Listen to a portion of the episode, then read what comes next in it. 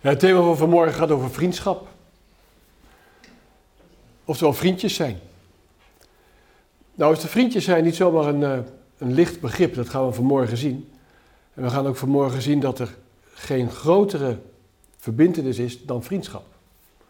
En dat doen we dan op basis van wat de Bijbel ons vertelt. En over een aantal geschiedenissen en relaties die dat met elkaar te maken hebben. Het gaat ook over vriendschap, gaat het ook over je onderlinge relaties. Dan gaat het niet over je onderlinge relatie alleen als man of vrouw, of als kennissen, ook als broeders en zusters in de gemeente, hoe die onderlinge relaties gezien mogen worden. En u begrijpt dus dat de conclusie mag zijn, als dat het niveau van vriendschap beheerst, dan hebben we het hoogste niveau van vriendschap.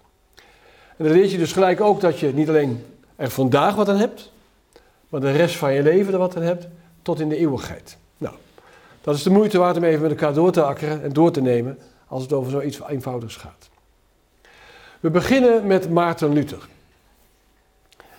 Maarten Luther leefde zo'n 500 jaar geleden. En Maarten Luther was een katholieke monnik. Dat betekent, hij had zijn leven gewijd aan het werk van God. En hij wilde heel graag Gods wil doen en Gods plezieren. En hij deed het op zijn manier. Maar hij had er geen voldoening van.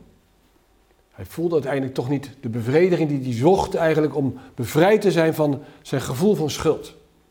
En uiteindelijk kwam hij tot de ontdekking, ik ga niet het hele verhaal vertellen, dat de rechtvaardige door het geloof leeft.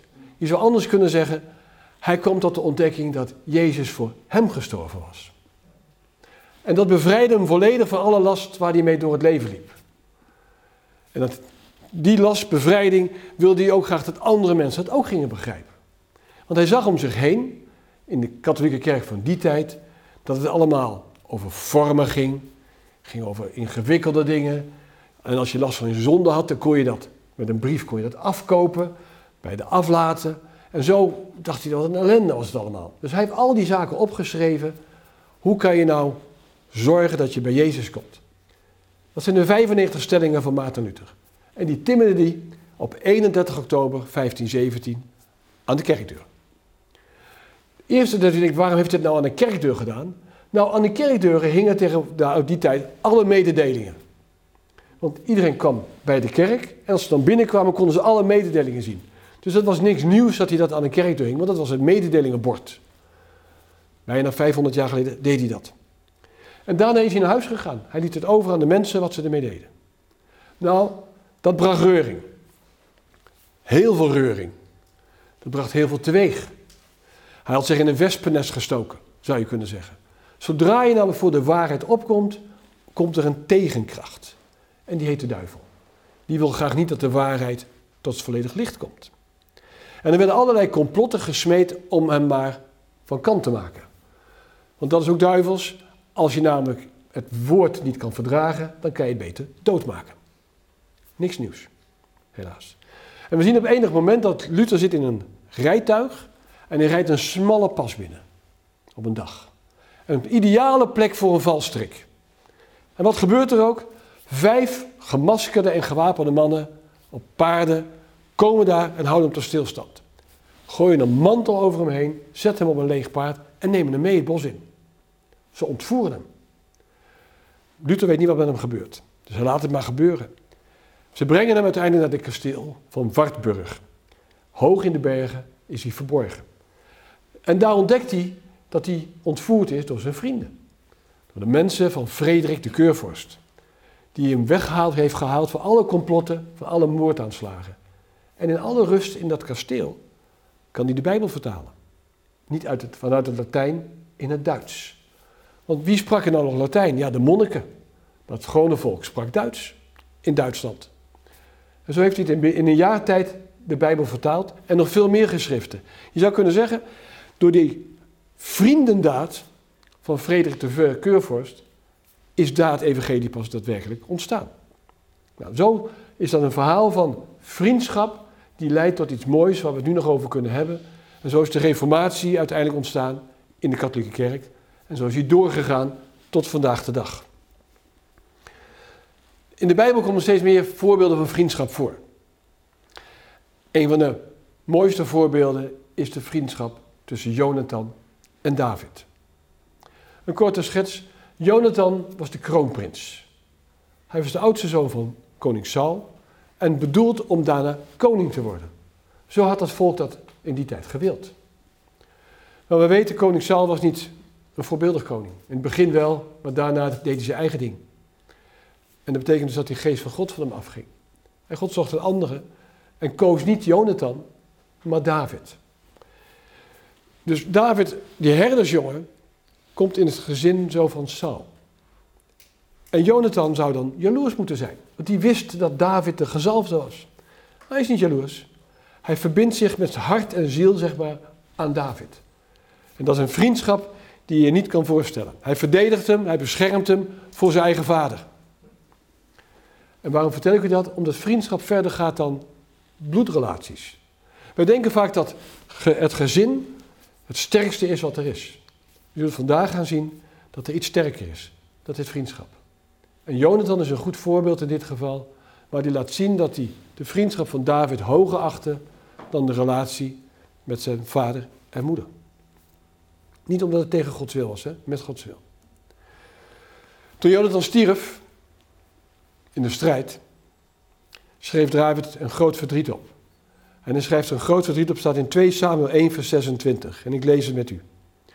Ik huil om u, mijn broeder Jonathan. Wat hield ik veel van u. Uw liefde was voor mij niet te vergelijken met de liefde van vrouwen. Heel veel mensen leggen deze tekst uit als homofolie. Dat staat er toch, zeggen ze. Hij vond mannenliefde belangrijker dan vrouwenliefde. Ja, als je niet goed leest, dan lees je dit eruit. Maar wat zegt hij uiteindelijk? David zegt, de vriendschap met jou was mij belangrijker dan de liefde die je kon krijgen bij vrouwen. Dus vriendschapliefde is groter dan erotische liefde. En dat lees je er goed in. En als je op die manier gaat kijken, denk je, wow. Dus hier ligt ook een les in voor ons allemaal, van dat blijkbaar er meer is dan uh, wat zelfs in een huwelijk kan voorkomen. Enorme betekenis heeft het ook voor mensen die alleen staan. Het is een hele grote troost, deze liefde. Want je denkt van ja, ik ben alleen maar gelukkig als ik getrouwd ben. Nee, hier staat, je bent gelukkig als je een goede vriend hebt. Je bent meer gelukkig als je een intense vriendschap met mensen hebt, dan blijkbaar als je getrouwd bent. Ik kom zo over getrouwde stellen terug nog hoor. Want anders denkt iedereen die getrouwd is van, dan kan ik maar beter niet getrouwd zijn, maar vrienden opzoeken. Zo bedoel ik het ook niet. Maar vriendschap brengt je relatie op een ander niveau. En dat is niet omdat ik het bedacht heb, maar omdat de Bijbel het nou eenmaal zo zegt. Potentieel in ieder geval kan het op een hoger niveau komen. Laten we naar een vriend van God gaan. Abraham wordt in het Oude Testament genoemd als een vriend van God. Er staat nergens dat hij als zoon genoemd wordt of als broer, maar vriend. Dus blijkbaar is dat een relatie die heel erg veel intimiteit uitdrukt. Dat is op geen enkele manier blijkbaar te overtreffen. De Bijbel plaatst hem nou op die manier op een heel hoog niveau. En daarom zeg ik ook boven familiebanden. Nou, zegt de Bijbel dat, maar ik heb een aantal andere schrijvers op nageslagen. En dan begin ik bij de Griekse dichter Euripides. Die leefde ongeveer 400 jaar voor Christus. En die schrijft: Een in ons leven gelaste vriend is meer voor ons dan tweemaal 5000 bloedverwanten. Andere woorden als je dus 5000 van je, van je moeder, van je vrouw hebt en 5000 van jezelf, heb je 10.000 relaties. Eén goede vriend is meer waard. Nou, dat is één. Maar u kunt allerlei verklaringen zoeken van een paar meer. Een, een Joods spreekwoord zegt: Vrienden, als ze zijn als de vrienden van Job, dat waren niet zo'n goede vrienden namelijk, of anders de dood. Dus met andere woorden, daar is niks grens meer tussen. De Russische dichter Dimitrev die schrijft: Ik heb een vriend gezocht, zegt hij. Er is er geen beneden. Ik denk de wereld zal binnenkort vergaan. Dus die schrijft het zo dramatisch dat als je geen vrienden hebt, dan vergaat de wereld eigenlijk. Nou, mooie Russische dramatiek in dit geval. Dus ik kan best zeggen dat ik niet overdrijf dat ook de gewone wereldse schrijvers vriendschap op een heel hoog niveau zetten. Dan is de volgende vraag, hoe ging Jezus daar nou mee overweg? En dat gaan we straks in Johannes 15 verder over lezen. Je mag verwachten dat Jezus er iets over zegt. En dat doet hij ook. Over zo'n belangrijk onderwerp. Eigenlijk is Jezus onovertroffen in zijn verheerlijking van vriendschap. Hij bracht het op een hoogste niveau wat je maar kan bedenken, dat een relatie mee te maken had. Tussen God en mens. Door Jezus wordt God onze vriend. Dus we hebben het getuigenis van de vijanden van Jezus om dit te ondersteunen. En ik noem u een paar. Ze noemden hem namelijk, Jezus, een vriend van zondaars. Gelukkig. Want ik ben zondaar, we zijn allemaal zondaars. Stel je voor dat hij geen vriend van zondaars kon zijn. Dan zou hij geen vriend van me kunnen worden. Dat is dus eigenlijk een compliment. Maar de fariseeërs waren het als lastig. Dus hij is een vriend van iedereen die zondigt. Dat wil niet zeggen dat hij zegt dat je moet blijven zondigen. In je zondige toestand wordt hij je vriend. Dus als nou Jezus een vriend was van zondaren, was hij ook een vriend van vriendeloze mensen. En dat is een mooi voorbeeld ook die we kunnen zien. Hij was bevriend met die zondaars en slachtoffers van de zonde die de fariseeën eigenlijk een beetje verafschuwden. De fariseeën vonden het, alles wat zondig was, daar gingen ze niet mee om. Daar werd je vies van. Daarom wassen ze zijn handen ook vaak. En je mocht met zondaren niet eten. Met heidenen mocht je niet eten. Je mocht niet in één tafel zitten. En het, overigens was dat niks nieuws hoor, dat deden de Egyptenaren ook. Denk maar even aan het verhaal van Jozef en zijn broers. De Egyptenaar mocht niet met die Joden eten. Dat was net zo, want dat was ook beneden hun stand. Dus hij was in een aparte kamer en zijn broers zaten aan een andere tafel. Zo keken de fariseeën er ook naar. Dat was blijkbaar in die tijd zo. Je ging alleen met je eigen soort om en de ander, dat, dat deed je allemaal niet. Jezus doorbreekt dit allemaal. En ze gaven, overigens, de fariseeën, ik wil ze niet helemaal naar beneden halen, ze gaven wel geld aan de arme mensen, ze gaven geld aan zondaars, maar vriendschappelijk, geld gooien, hè? dus niet geven, maar gooien. Met ze eten, dat was het niet zo. En daarom vonden ze ook dat Jezus namelijk niet goddelijk kon zijn. Die ging namelijk bij zondaren eten. Nou, dat zou God nooit doen in hun ogen. Dus hij was nooit de zoon van God. Dat was onmogelijk. En ze hebben het tot vandaag de dag niet begrepen. De Joodse geleerde, de Montefiore, dat is een Italiaanse Jood, die kijkt naar Jezus vanuit een, eh, ja, zeg maar een niet-christelijk standpunt. Dus vanuit zijn Joodse blik. En wat zegt hij erbij? De rabbijnen hechten niet minder waarde aan berouw dan Jezus. Ze bezongen de lof en de werkzaamheid ervan in duizend tonen. Met andere woorden, zei ze, de rabbijnen deden helemaal niks verkeerd, want die keken ook met berouw naar die dingen. Ook zij verwelkomden de zondaar in zijn berouw. Maar om ze op te zoeken, om ze met ze aan tafel te gaan, om ze als vriend te benoemen, nee. Dat was iets nieuws. Dat was nieuw in de religie van het volk van Israël. Je zou kunnen zeggen dat de Joden een soort uh, eerste supermarkt hadden. Die in die tijd natuurlijk nog niet bestond. Wat doe je in een supermarkt als je erheen gaat? Uh, dan stel je alles uit. Hè? En de klanten komen binnen en die mogen zelf uitkiezen wat ze willen kopen. En dan gooien ze in een winkelwagentje. Scannen ze of doen ze bij de kassa. Zo werkt de supermarkt.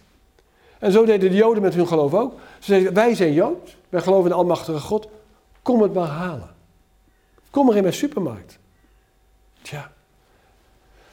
Als je op die manier gaat, hoe gaat nou Jezus dat het doen? Jezus zegt, ik ben de goede herder. Er is één afgedwaald en de 99 zijn niet afgedwaald. Ik ga die ene zoeken. Dus Jezus gaat op zoek naar de zondaars in plaats van die zegt, kom maar naar mij toe. Hij zegt wel, kom iedereen tot mij die vermoeid en belast is. Maar Jezus gaat op zoek naar wat gebroken is, wat gekwetst is. Hij gaat hen achterna. Waarom doet hij dat? Omdat hij je vriend is. Dan komt het woord, en ik heb hem uh, maar geïntroduceerd, vriendschapsevangelisatie. Bestaat, bestaat uh, in ieder geval sinds vandaag bestaat hij nu, dat woord. Uh, ik heb twee losse woorden, dus de, de toekomst zal aanwijzen of dat één woord gaat worden of niet. Maar vriendschapsevangelisatie betekent dus dat Jezus dat geïntroduceerd heeft. Dat woord heb ik maar erbij neergezet. Het begint met Jezus. Het idee om mensen voor God te winnen, doet hij niet om ze de waarheid te vertellen, maar om hun vriend te worden. Dat is een heel andere volgorde. Dus je kan zeggen, ja, iedereen die de waarheid weet, die zijn mijn vrienden. Nee, zegt Jezus, iedereen is mijn vriend en dan ga ik ze de waarheid vertellen. Dat is zijn strategie. En je zou kunnen zeggen, als nou wij christenen die strategie ook zouden volgen, zou het leven heel anders eruit gaan zien. Dus de gave van evangelisatie is heel iets anders dan alleen maar vertellen, is vooral iets van doen. Dan heeft ook geen speciale training nodig. Je hoeft niet eerst dan zendingsopleiding te hebben. Je moet alleen maar vriendelijkheid hebben. Vriendelijkheid oefenen. Ik, las een, eh, ik heb een gedichtje las ik van de schrijver Walter Eisenhower. Dat is niet de generaal Eisenhower, hè, dat is Ike Eisenhower, schrijf je ook anders. Het is een, uh, hij is een predikant, leeft niet meer. Hij heeft heel veel over vriendschap geschreven. Uh, en ik lees maar een heel kort gedichtje daaruit voor, maar het is wel vrij vertaald omdat het natuurlijk in het Engels staat. Je mag niet in de hallen van de roem staan, met veel eerbewijzen op je naam. Je mag niet veel rijkdom bezitten en veel mensen die op je fitten, maar je kunt vriendelijk zijn. Misschien beheers je geen grote kunst, nog in de rangorde van de wereld in gunst. Je mag misschien geen mooi gezicht dragen, nog een belangrijke plaats behagen, maar je kunt vriendelijk zijn. Het woord vriendelijk komt van het woord vriend. Tegen vrienden ben je aardig, ben je begripvol, ben je behulpzaam. Dat is vriendelijk. Dus mijn stelling is dan ook, neem nou eens een vriend of een vriendin mee naar de gemeente. Want dan gaan we aan vriendschapsevangelisatie doen. En waarom zou je dat niet willen doen? Want hier zitten ook de vrienden die je graag wil laten kennismaken met die andere vrienden. De overige, als je naar, naar cijfers kijkt en studies, dan komen de overgrote meerderheid van de mensen bij de gemeente door vrienden. Dus als je vriendschap dan niet hanteert, en zelfs elimineert, dan stopt dus de groei in de gemeente. En je wilt toch graag bekend staan als een vriendelijke kerk? Een vriendelijke kerk betekent dus een kerk met vrienden. Dat vriendschap de bron is van groei. Dus als een gemeente niet vriendelijk is, dan groeit ze niet. Ingewikkelder is het niet. Dus neem maar een vriend mee of een vriendin naar de gemeente. Ik las een, studie van Dr. Wilbur Chapman, een protestant ook, geen adventist. Die deed een studie door de mensen die door Jezus werden genezen. Dat is op zich interessant. En hij vond daar 40 specifieke gevallen dat Jezus een, ziekte, een zieke geneest. Van die 40 mensen zijn er 34 door hun vrienden gebracht. En zes kwamen uit zichzelf. En een van die voorbeelden is bijvoorbeeld die vrouw die 12 jaar gebloed had. Die kwam uit zichzelf naar Jezus. En hier heb ik het voorbeeld maar genomen van die vriend die dan door het dak gezakt wordt. Op Sabbat zelfs. Dus van de 34, dat is 85% van de mensen die Jezus, naar Jezus genezen zijn, zijn door hun vrienden gebracht. Nou moet u zich voorstellen hoe dat dan werkt. Hoe kan je nou zorgen dat dat ook in ons geval zo gebeurt? Nou, kun je alleen maar verbidden. Dat je vriendelijk bent en daardoor met andere mensen mag meenemen. Dat de overgrote meerderheid straks wordt gevormd door allemaal vrienden van je. Nou, wat wil je nou nog meer? Dat je vrienden niet alleen thuis ziet, maar ook hier in de gemeente ziet. Dan heb je een prachtige tijd. En straks in de eeuwigheid. Dus het aspect van vriendelijkheid gaat verder dan alleen maar buiten, op je werk, in de relatie van de familie. Het gaat ook over tot de evangelisatie. We lezen zo Johannes 15, vers 12, maar het gaat over de relatie die Jezus introduceert bij zijn discipelen. Dan moet u beseffen dat Jezus heeft heel veel in gelijkenissen gesproken. Hij sprak met zijn discipelen nooit in gelijkenissen. Daar sprak hij rechtstreeks mee. De andere mensen konden namelijk niet begrijpen wat hij zei. En daarom vertelde hij maar een gelijkenis, zodat ze in ieder geval dat stukje meekregen. Dus de goddelijke liefde, zegt hij, die Jezus introduceert bij zijn discipelen, die is een, van een heel ander niveau. Het begint namelijk met de liefde van God voor de Zoon en voor ons mensen.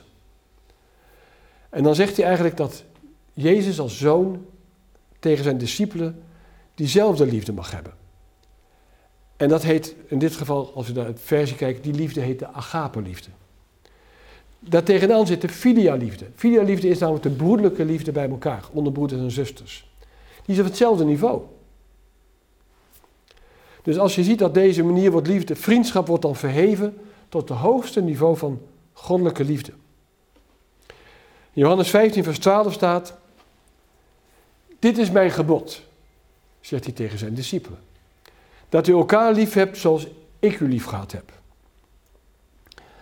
Als we het woord gebod horen, dan betekent dat het niet vrijblijvend is. Er staat dus niet als je er geen zin in hebt, hoeft het niet. als je er niet aan toe bent, hoeft het ook niet. Nee, dat staat er allemaal niet. Is- ik wil, zegt Jezus, dat jullie elkaar lief hebben zoals ik jullie ook lief heb gehad. Dat moet je doen. Nou kan je liefde natuurlijk niet dwingen, maar hij zegt het wel op een gebied in de wijs. En dat betekent dat we als we er wat moeite mee hebben, dat we eraan moeten werken. Want Jezus heeft het ons als gebod gegeven. Want we zitten niet voor niks hier op Sabbatmorgen in de gemeente en zijn dus ook onderdeel van zijn discipelen. Jezus geeft nog een stap verder. En dat, daarom duid ik ook, er is niks groter dan de vriendschap, dan de liefde die vriendschap heeft. Hij zegt, er is geen grotere liefde dat iemand zijn leven geeft voor een vriend. Daarmee zegt hij oprecht, als zoon van God, heb ik alle mensen zie ik als vrienden, want daar heb ik mijn leven voor gegeven. En hij vertelt deze tekst kort voordat hij naar het kruis gaat. Kort voordat hij sterft voor onze zonde. Laat hij de grootste daad van vriendschap zien in de geschiedenis van de mensheid. Uh, theologisch nauwkeurig is het ook om te zeggen dat het grootste woord in menselijke taal dus vriendschap is. Want iets groter bestaat er niet meer. Deze liefdevolle daad maakt Jezus de ruimte voor ons voor het eeuwig leven. Dus dat we niet meer dood hoeven te gaan. En als we wel dood gaan, kunnen we opgewekt worden tot de eeuwigheid. Hij opent de poort voor ons als we dat mogen doen. Dus alles wat je lief hebt, alles wat je koestert, is door de vriendschap van Jezus geopenbaard aan ons. En Jezus zegt in vers 14 van Johannes 15: Jullie zijn mijn discipelen als jullie doen wat ik je opdraag. Ik heb hem niet hierop staan, maar dat moet u maar even geloven. En in vers 12 en vers 17 dat we elkaar moeten liefhebben en van elkaar moeten houden. Dus als wij ook een vriend willen zijn van de grootste vriend hier op aarde, dan betekent dus dat we deze stappen moeten zetten. En het falen, dus het niet lukken, is het punt bijna van het probleem in iedere gemeente. Dus dat is iets waar we aan te werken hebben. Dus als christenen met elkaar onderling geen vrienden zijn, dan verliezen ze de vriendschap van Jezus. Want dan ben je geen boodschappers van vriendschap in de wereld. En dan ben je onderdeel van het probleem. En elk probleem dat je kunt bedenken, kan je bijna terugvoeren op het gebrek aan vriendschap. En elke zegen die je kan krijgen, is juist op de aanwezigheid van vriendschap. In een andere vorm. Dus je ziet, dit onderwerp is niet zomaar iets waar je denkt van, ach wat aardig om daar even over te hebben. Het raakt de kern van het evangelie. De essentie van het christelijk leven. En dat betekent dus de sleutel van relaties tussen mensen is het makkelijkste te duiden in vriendschap. Bijbels gezien eindigt vriendschap ook niet. Huwelijksrelaties wel. De Bijbel zegt, als je gestorven bent is die huwelijksrelatie over.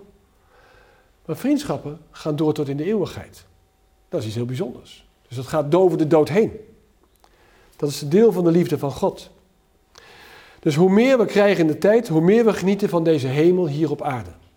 Dus als je heel veel vriendschap hebt, in de termen zoals Jezus ze geeft, heb je een stukje hemel hier op aarde gebracht.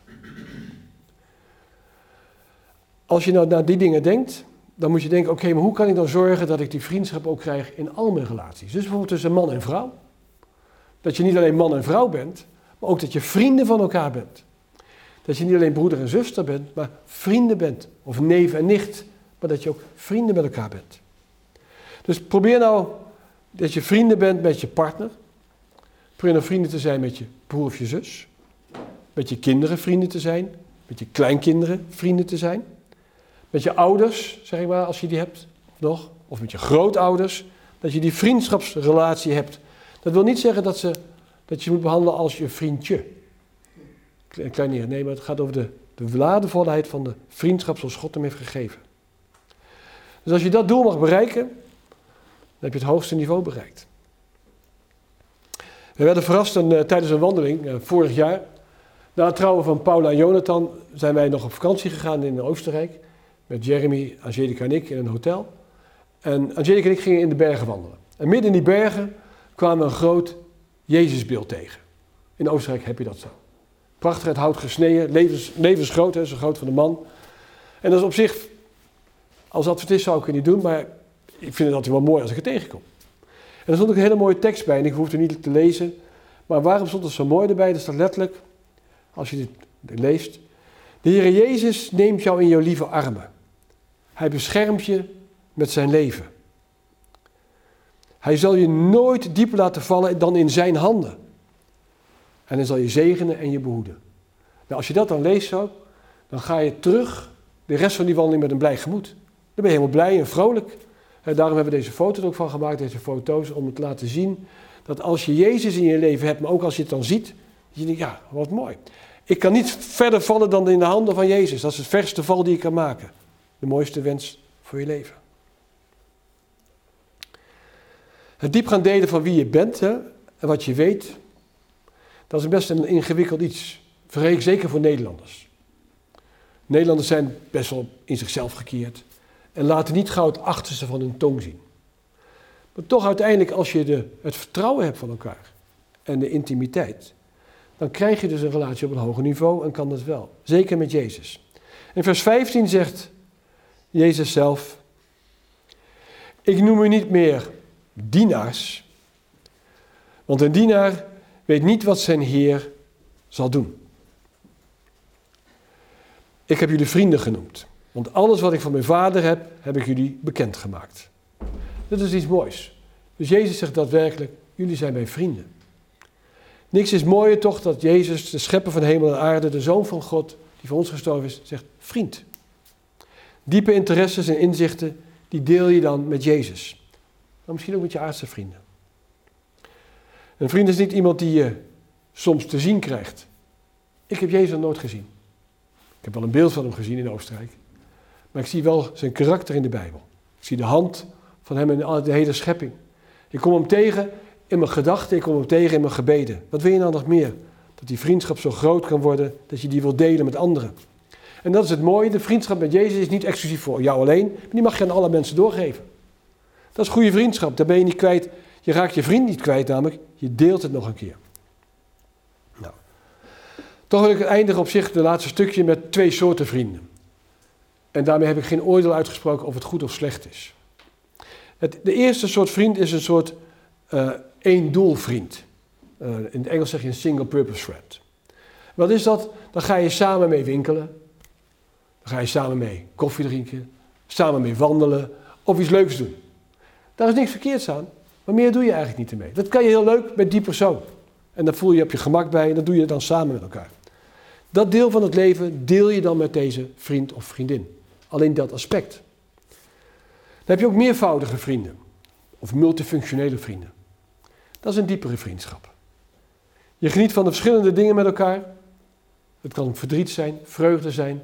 Het kan uitgaan zijn. Je kan dingen met elkaar bespreken. Raad vragen. Dat heeft dus een veelomvattend iets. Als je getrouwd bent, is het aan te raden om meervoudig vriend te zijn. En niet alleen maar de eenvoudige vriend. Dan heb je namelijk heel veel gemeenschappelijke interesses. Als je uh, echtparen, zeg ik maar even dan, zoals Jirik en ik het ook zijn, heb je natuurlijk een intense emotie die je deelt met elkaar. Maar als dat het enige is wat je met elkaar deelt, is het wel heel arm en kan het uiteindelijk een beetje opdrogen. Maar als je op meerdere niveaus verbinding en relatie met elkaar krijgt en die laat groeien, dan zal je merken dat die vriendschap ook in die relatie intenser wordt en mooier is.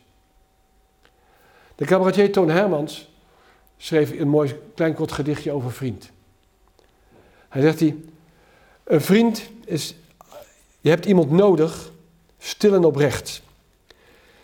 Die als het erop aankomt, voor je bidt of voor je vecht. Pas als je iemand hebt die met je lacht en met je grient, pas dan kun je zeggen, ik heb een vriend. Eenvoudige woorden van een cabaretier die wel de kern op zich dat wat ik net met jullie wil delen. Ik kom tot een afronding van vriendschap. Echte vrienden heb je misschien weinig in het leven. Maar als je ze hebt, neem ze, maak ze deelgenoot van deze mooie boodschap dat Jezus de grootste vriend is die we mogen hebben. Dat kunnen zijn je partners, je ouders, je kinderen. Die wil je dat toch niet onthouden. Potentiële vrienden, die kennen je op je slechtst, ze houden van je ondanks slecht gewoontes. Ze houden ook van je vlekken en je rimpels, je ergelijke eigenaardigheden, maar ze houden van je. Dat heet vriendschap. Die wederzijdse aanvaarding van het gebrekkige zelf is waar vriendschap uiteindelijk om draait. Daarom houdt je God van ons. Want we zijn zondaren en toch houdt hij van ons. Dus als we naar Jezus komen en onze zonden beleiden, dan zal hij je vergeven.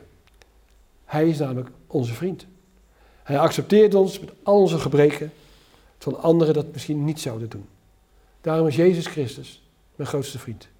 Amen.